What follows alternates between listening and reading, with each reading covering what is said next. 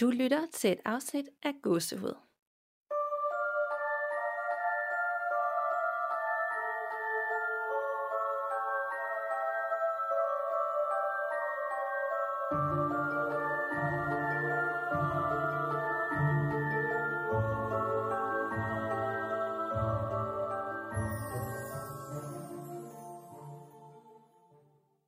Hej Nana, Hej Danika og velkommen til et, endnu et uh, lytterberetning-afsnit.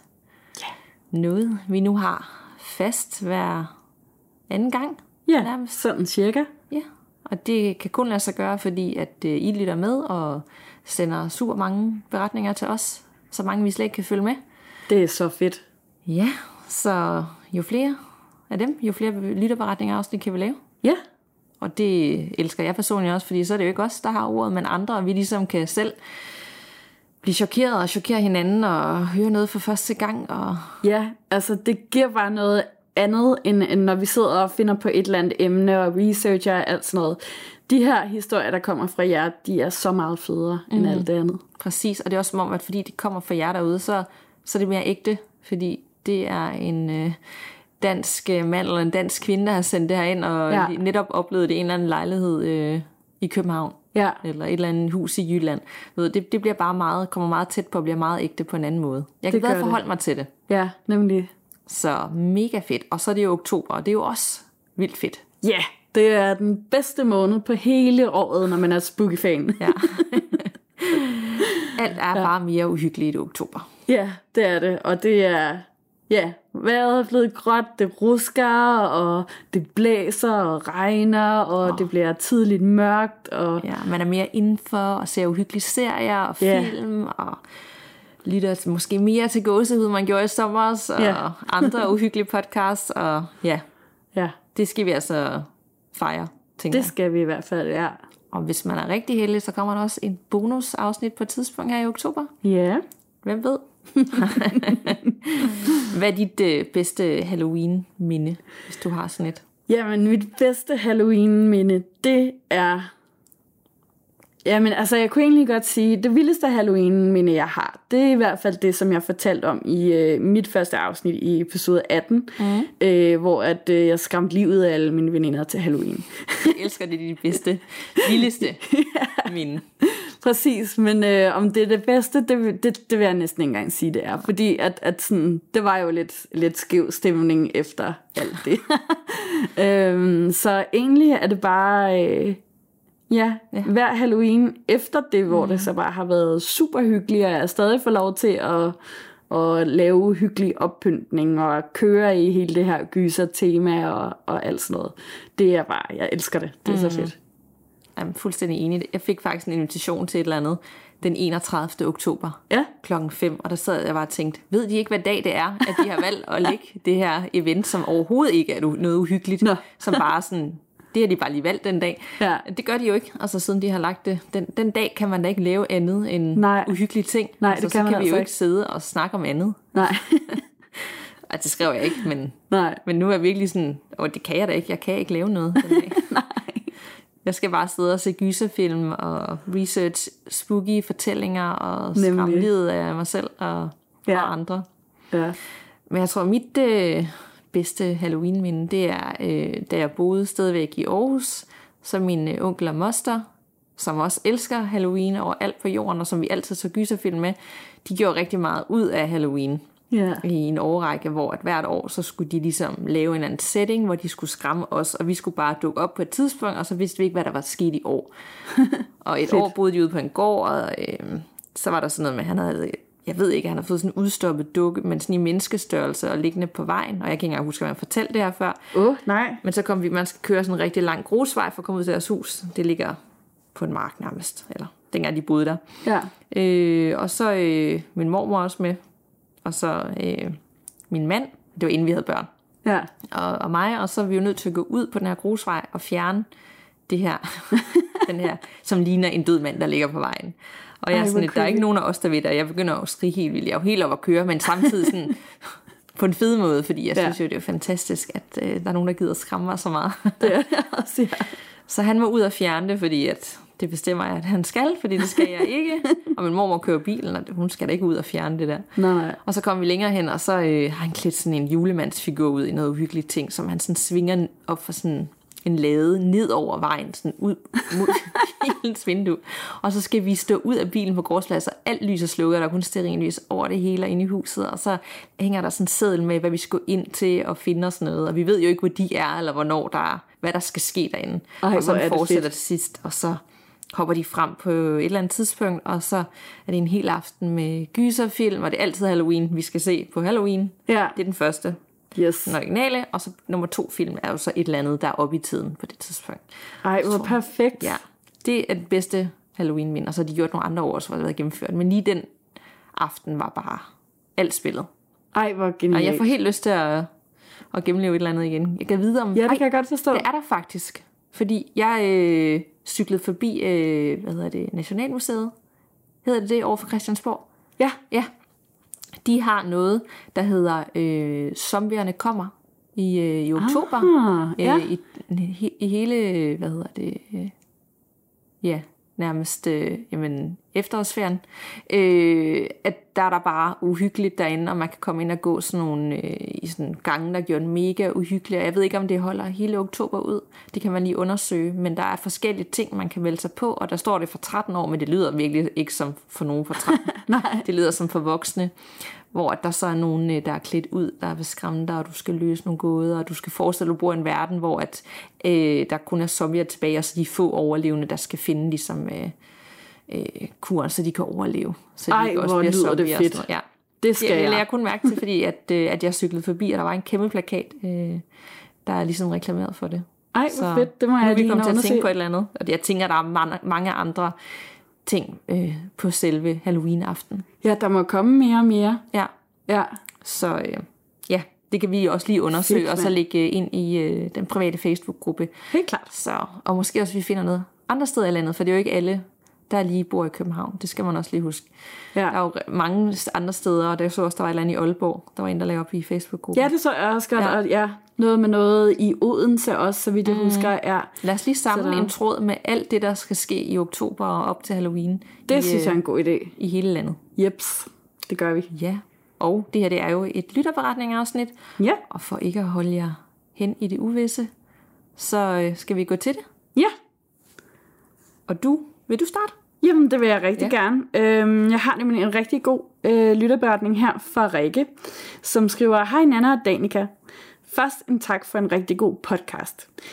Jeg har en oplevelse, som slet ikke er uhyggelig eller creepy, men jeg har alligevel lyst til at dele den med jer. Det skete for over 20 år siden, da jeg blev gravid for første gang. Jeg var ni uger henne og skulle til en scanning, som desværre viste, at fosteret var dødt. Nå, Ja. Så jeg skulle have en udskrabning den næste dag. Jeg blev sendt hjem og øh, skulle så indlægges igen næste morgen. Om aftenen falder jeg helt ulykkelig og utrystelig i søvn. Midt om natten vågner jeg, og jeg ved bare, at der er noget, der skal til at ske. Jeg sætter mig op i sengen lysvågen. Det næste, der skete, lyder vildt mærkeligt, men det var noget af det smukkeste, jeg nogensinde har oplevet. Oppe under vores loft, i kanten mellem loft og væg, vokser der en gren frem. Altså som en gren, der sidder på et træ. Den udfolder sig ganske langsomt fra hjørnet af værelset og langs kanten hen til midten af soveværelsesvæggen. Det er en vidunderlig oplevelse. Super smuk. Ligesom når man ser en blomst, der springer ud på tv i hurtig timelapse. Bare en gren med kviste og blade og de smukkeste detaljer. ej hvor fint. Så fint, ja. Under hele oplevelsen lyder der englesang, og rummet er fyldt med kærlighed og ro. Mens det skete, stod jeg op af sengen og jagter det hele stående ved siden af sengen. Jeg er lysvågen. Og på et tidspunkt er træet sprunget helt ud, og der bliver helt stille. Jeg bliver nu opfyldt af en følelse, som er svær at forklare, men hvis det var en stemme, så ville den sige, han er i min favn nu, jeg har ham i min hånd. Det er utroligt beroligende for mig, at jeg er i situationen slet ikke i tvivl om, at det er barnet i min mave, det handler om. At jeg slet ikke skal være i tvivl om, at der bliver taget så kærligt af barnet i efterlivet. Det er meget svært at forklare, men jeg er nærmest opfyldt af kærlighed, og oplevelsen er utrolig smuk. Som sagt står jeg på gulvet ved siden af sengen, mens det hele sker. Til sidst vender jeg mig om for at vække min mand for at dele oplevelsen med ham og vise ham alt det smukke, der er sket. Han vågner i samme øjeblik, at alting borte igen. Alt er ved det gamle, og jeg ved, at det vil han aldrig kunne forstå eller tro på. Så da han forvirret spørger, hvad der er, der sker, så siger jeg bare, at det var en drøm. Jeg går tilbage i seng og falder utrolig nok i søvn med det samme. Næste morgen får jeg foretaget indgrebet og kommer hjem sammen eftermiddag. Jeg er naturligvis meget ked af det og ligger der i lejligheden og sørger over det barn, der nu ikke bliver til. Jeg er alene. Jeg husker ikke, hvor min mand var, men på det tidspunkt går jeg hen og åbner et vindue. Og ind af vinduet lyder der nu igen englesang. Fuldstændig ligesom om natten. Det strømmer ind af vinduet og lyder fantastisk smukt. Det er som en bekræftelse på, at min oplevelse om natten var sand. Det var nærmest en religiøs oplevelse, men jeg har aldrig været religiøs og vokset op i et ateistisk hjem. Jeg er vel det, man kalder kulturkristen, som så mange andre her i Danmark. Men oplevelsen var i hvert fald utrolig betryggende og en varm trøst i en svær tid.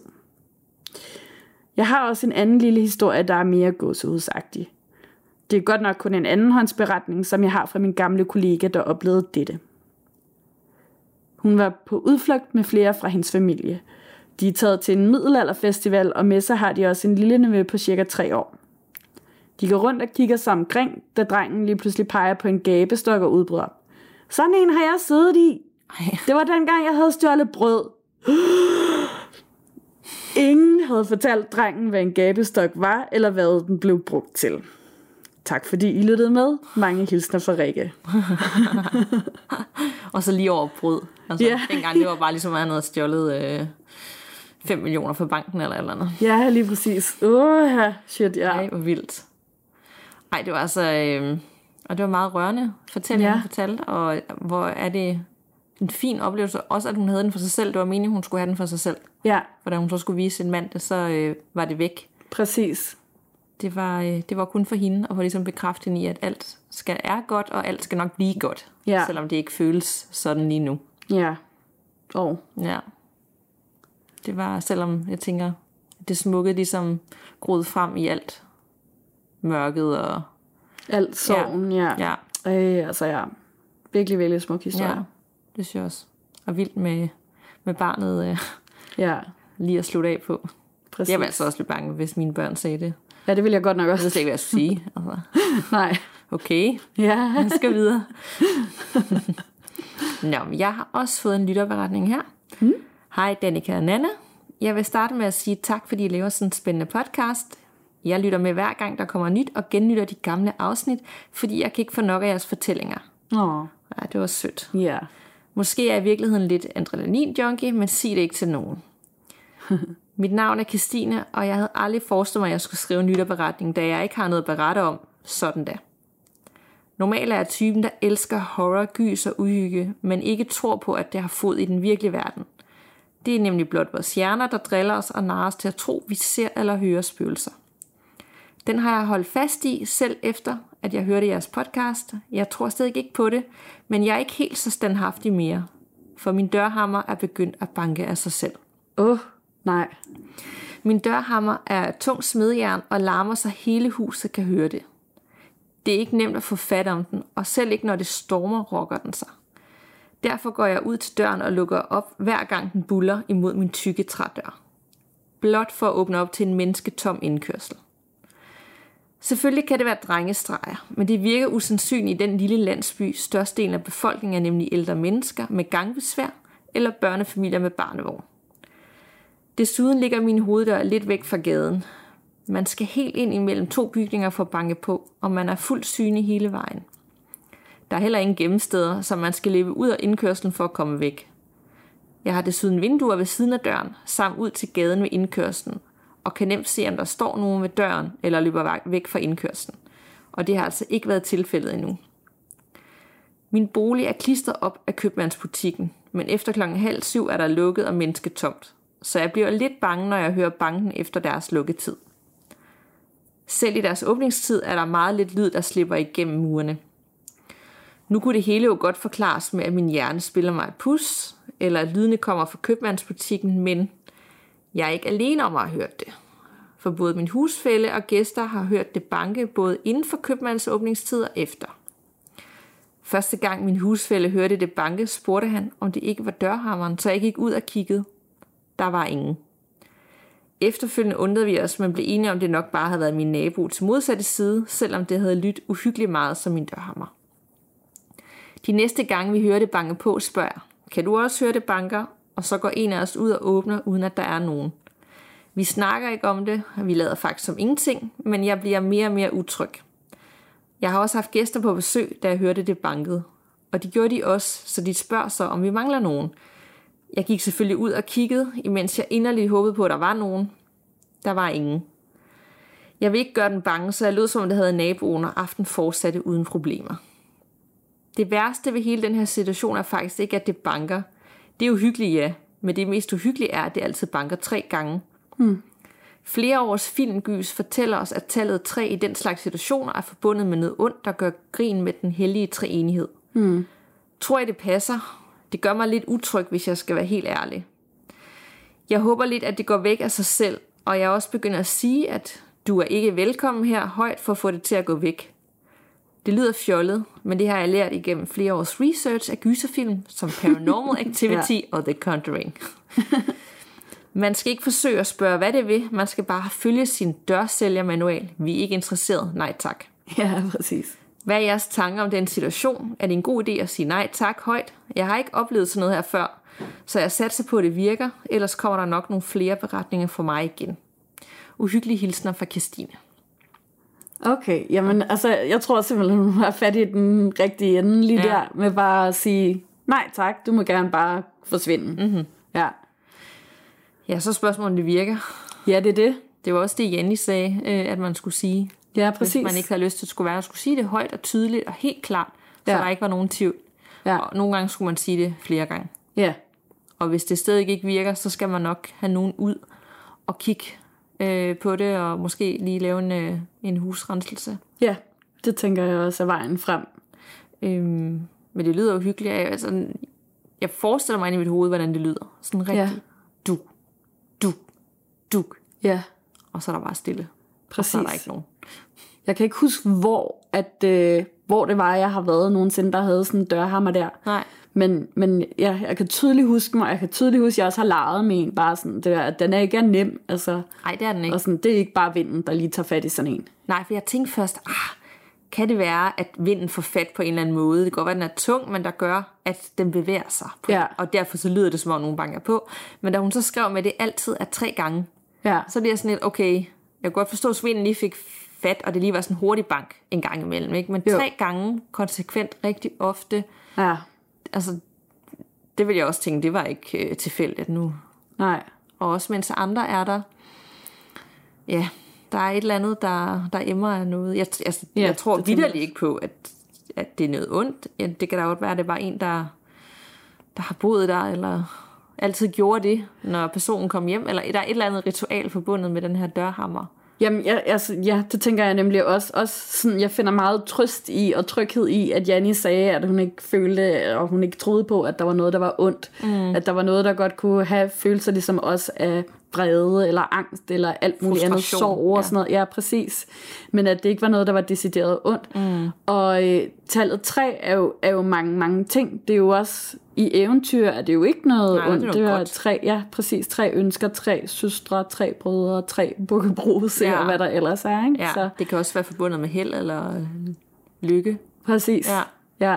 Så jeg tænker også bare, fortsæt mm. det du gør med tankens kraft. Ja. Jo mere du tænker, at nu sker der ikke mere, så sker så der måske mindre. Ja. Men meget spændende. Vi vil meget gerne have updates, hvis øh, der sker noget andet, eller det fortsætter, efter du har sagt det mange gange. Ja. Og hvad du så gør derfra. Ja. Du må meget gerne lige give os en update, uanset mm. hvad der sker. Ja. Yes. Ja, ja. Yes. Og til nummer tre lytterberetning. Ja, som kommer fra Stine, der skriver, Hej godsehud. Da jeg var 8 år gammel, døde min morfar. En mand med mørkt hår og mørke øjne.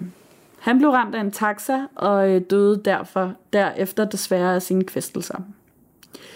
Mine forældre og hele familien var så kede af det. De var så kede af det, at de glemte, at vi børn også havde brug for ekstra omsorg og støtte til at komme igennem det her på en god måde. Oh. Ja. Jeg begyndte at udvikle fantasier om, at jeg kunne se ham, og jeg var hele tiden ekstremt bange for, at han pludselig stod der foran min seng, når jeg blev puttet, eller at han stod bag ved mig, når jeg kiggede ind i et spejl. Da jeg var blevet lidt større, og vi skulle skrive stile og større opgaver i skolen, handlede mine opgaver næsten altid om min morfar eller om døden. Det var syrede historier om, hvordan han pludselig manifesterede sig og gjorde mig bange, og sagde vemmelige og onde ting osv. Min lærer snakkede underligt nok aldrig med mine forældre om det. Jeg følte tit, at min morfar var omkring mig, og det var en rigtig ubehagelig følelse. Jeg prøvede tit at snakke med mine forældre om det, men de slog det altid hen. Jeg lærte aldrig at slippe angsten for, at min morfar pludselig kunne dukke op og gøre mig rigtig bange. Da jeg var 14 år, sov min veninde Eva og jeg rigtig meget sammen hjemme hos mig. Hun vidste naturligvis alt om min morfar. En mørk søndag aften stod vi og klædte os af, fordi vi skulle i bad. Vi havde snakket om min morfar lige inden. Eva sagde, men, men hvad nu hvis din morfar kommer ud til os i badet? Jeg svarede, så kommer han ud for at se os nøgne. I det jeg havde svaret Eva, tænkte jeg, ja morfar, du skal virkelig komme. Kom ud til os, så vi kan se, om du rigtig er der. Jeg kunne mærke, hvordan jeg fik pisket en uhyggelig stemning op. Da vi var i bad, stak Eva hovedet ud fra forhænget for at tørre dukken af spejlet, så hun kunne se, om hun havde fået vasket sin mascara ordentligt af. Men pludselig begyndte hun at skrige. Hun nærmest fløj ind bag forhænget til mig igen og skreg helt vildt, mens savnen stod ud af munden på hende. Jeg prøvede at få beroliget hende, så hun kunne fortælle, hvad det var, der var sket, og så sagde hun, der er en derude, og så skreg hun helt vildt igen, mens hun stirrede helt vildt på mig. Vi slukkede for vandet og løb ind på værelset, hvor hun græd hysterisk, mens hun fik forklaret, at hun havde set en, en gennemsigtig masse med mørkt hår og mørke øjne, som grinede af hende inde i spejlet. Og at den kom nærmere forhænget, da hun begyndte at skrige. Jeg havde underligt nok aldrig vist Eva et billede af min morfar, men det valgte jeg så at gøre nu. Hun blev helt chokeret og var sikker på, at det var ham, hun havde set. I lang tid efter det skete, var vi meget utrygge og bange for at gå i bad. Når vi skulle op eller ned ad trapperne for at komme til og fra mit værelse, føltes det som om, at vi havde nogen lige hælende på os. Mange genstande begyndte også at bevæge sig af sig selv. Min verden var virkelig blevet helt uhyggelig. Fast forward til, da jeg var blevet 17 år. Vi flyttede til en stor, flot og gammel herskabslejlighed på øverste etage på Islands Brygge. Om aftenen tog jeg næsten ikke gå op ad trapperne. Jeg forestillede mig, at min morfar stod tilbagelænet op ad væggen ved siden af vores hoveddør og ventede på mig på en ubehagelig og skræmmende måde. Jeg var altid helt panisk og drønede op ad trapperne for at få det overstået. Han stod der aldrig, men forestillingen om det var virkelig, virkelig skræmmende. Mange år senere fandt min søster og jeg ved et tilfælde, tilfælde ud af, at vi havde præcis den samme forestilling. Det var virkelig creepy. Jeg føler, at jeg holdt min morfar fast her på jorden. At min besættelse af ham og min frygt for ham forhindrede ham i at gå ind i lyset. En nat, da jeg lå og sov, vågnede jeg ved, at min morfar tændte lyset. Jeg satte mig op i sengen, og vi havde en rigtig god lang snak. Jeg aner ikke rigtig, hvad det var, vi havde snakket om, men jeg kan bare huske, at stemningen var god, at jeg siden den nat slap mit tag i morfaren. Og jeg har aldrig været bange for ham siden da. Jeg har heller ikke mærket noget til ham siden, og jeg tænker faktisk sjældent på ham nu. Jeg har også en, oplevet en masse andre ting, som jeg måske skriver om en anden gang. Mange hilsner fra Stine. Ej, det, det, var, det er bare en vild fortælling, ikke? Altså, hvordan en oplevelse, som har været traumatisk ja. for et barn, kan ligesom manifestere sig i en frygt eller en følelse, som bare følger en i så mange år bagefter. Ja, det kan jeg virkelig godt sætte mig ind i. Øhm, jeg led også meget af angst, da jeg var barn, og der var blandt andet sådan noget fuldstændig tåbeligt. Vi, vi havde sådan en, øh, en, en rød sparegris, der var lavet ligesom, altså den var formet som en gris, mm. men bestod egentlig bare af nogle røde trækugler, ja. der var sat sammen. Og den, den var jeg bare virkelig, virkelig, virkelig bange for. Og jeg kunne bare lægge søvnløs langt ud på natten, bare at, at tænke på den der mm. sparegris, og hvor bange jeg var for den, og at jeg var sikker på, at hvis jeg kiggede ud over sengen, så ville den nok være kommet ja. til live og alt sådan noget. Ikke? Ja. Og jeg tror aldrig nogensinde, jeg har fortalt nogen om, om den der angst der, men, men ja, jeg kan bare virkelig godt ja. sætte mig ind i den der angst, men bare for... Øh, og forventer ja. hele tiden, at der er et eller andet uhyggeligt. Præcis, at det bare spinner fuldstændig ud af ja. kontrol. Men selvfølgelig godt, det, det stoppede. Både ja. for dig og for hende. ja. øhm, men også veninden, der ser det efter badet. Ja. Og det har været noget helt andet, eller...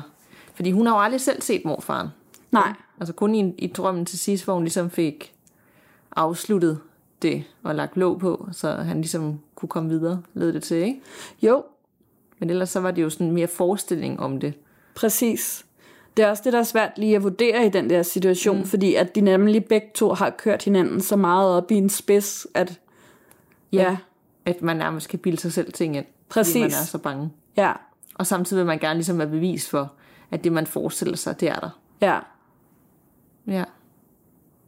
Men, men vildt og vigtigt, at forældre ligesom, også når en morfar mm. dør, selvom man selv sørger, hvis der er børn, at man så også tager sig af dem, og de også får ja.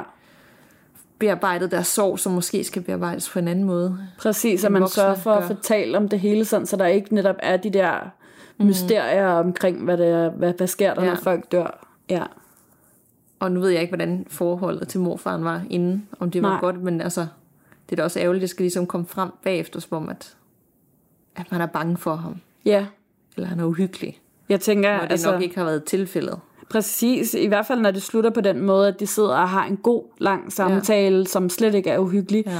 At, at, at hvis det var hans ånd, at han måske bare lige ville sådan huske hende på og forsikre hende om, at han faktisk ikke var et, et ubehageligt og dårligt ja. menneske, og at det er vigtigt, at hun husker ham for alle de gode ting, de havde sammen. Ja, ja. enig. Ja.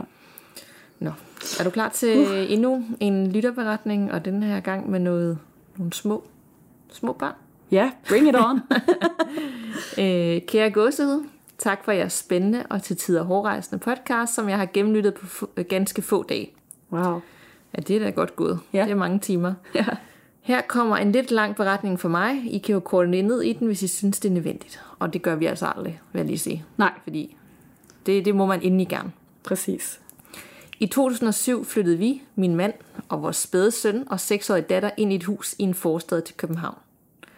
Husene i området er bygget i starten af 1930'erne af affaldssten fra gamle københavnske ejendomme. Ejnen har før dette været et landbrugsområde med gårde og lignende, og vores hus var et rigtigt Pippi Langstrømme-hus, som var bygget om og til af mange omgange. Huset var derfor endt som en hesteskroform med en stor stue i midten, der ligesom bandt huset sammen.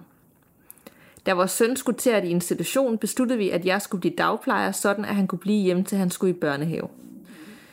Jeg havde ganske kort tid inden, efter vi flyttede ind, haft en fornemmelse af, at vi ikke var de eneste beboere i huset.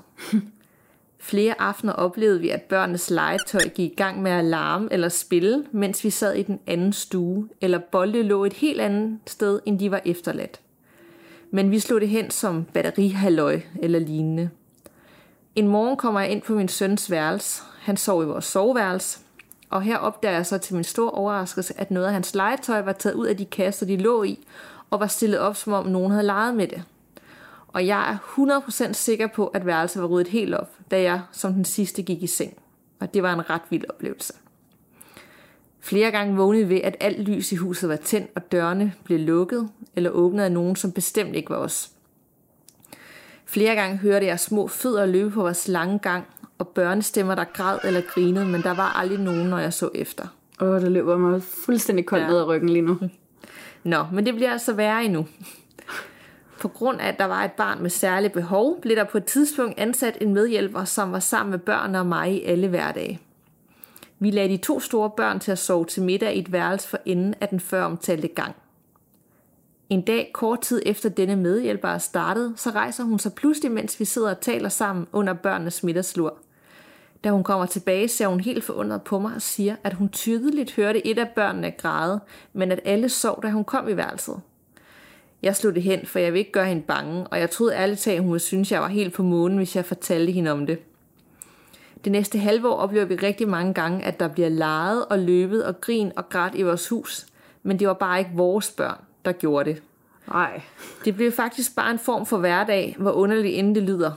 Men fornemmelsen af at aldrig være alene og føle sig overvåget våget, piner mig dog noget. Jeg fortalte min mor om alt det her, og hun havde vist også nogle oplevelser i vores hus, som hun ikke var helt tryg ved.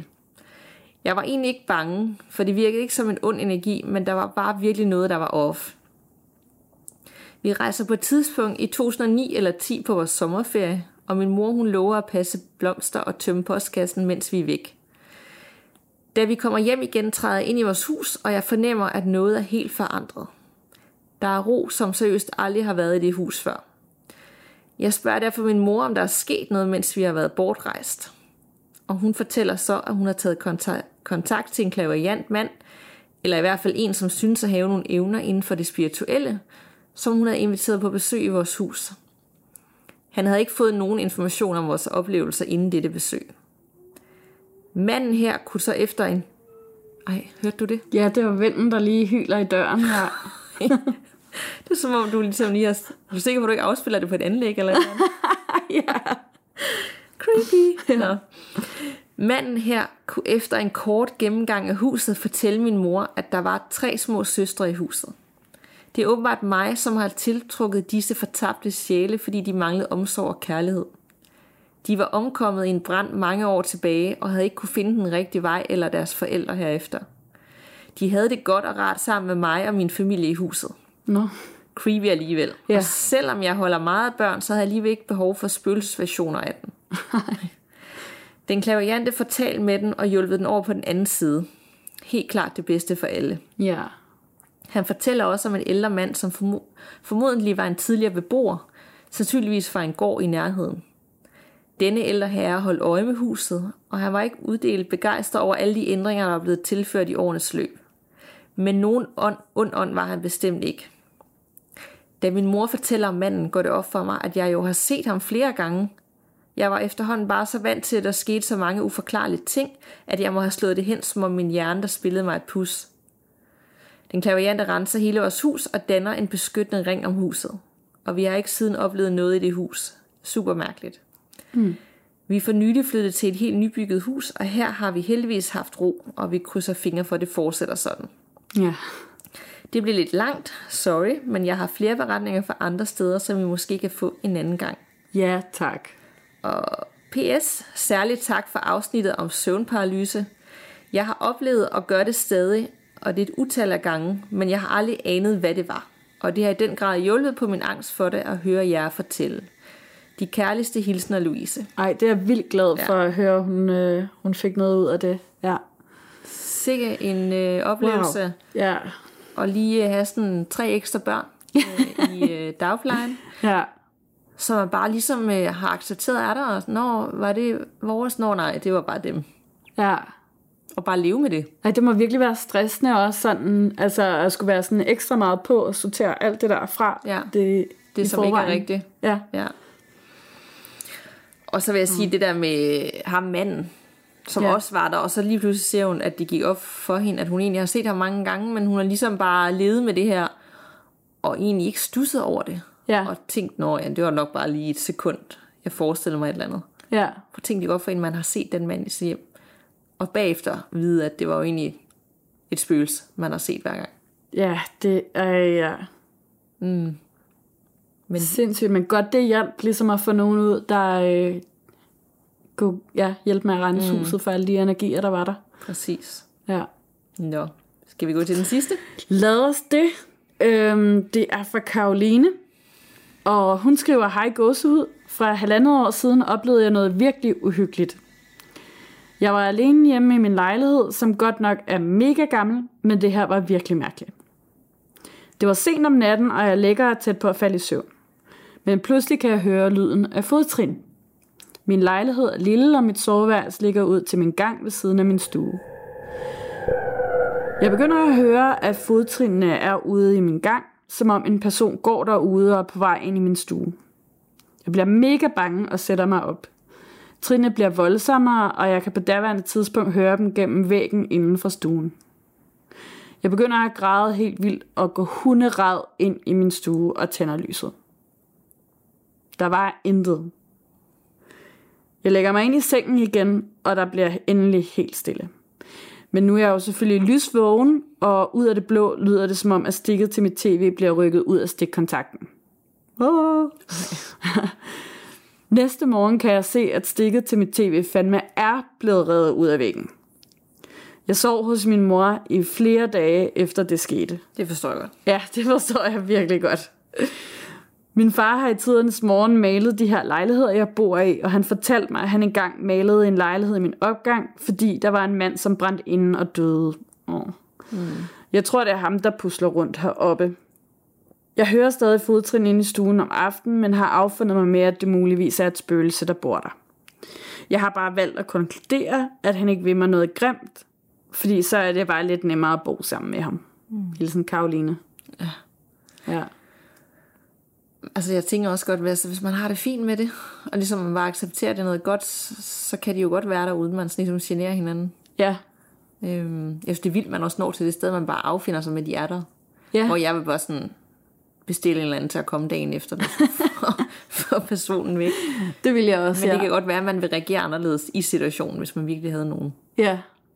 Ja. Det skal jeg sige.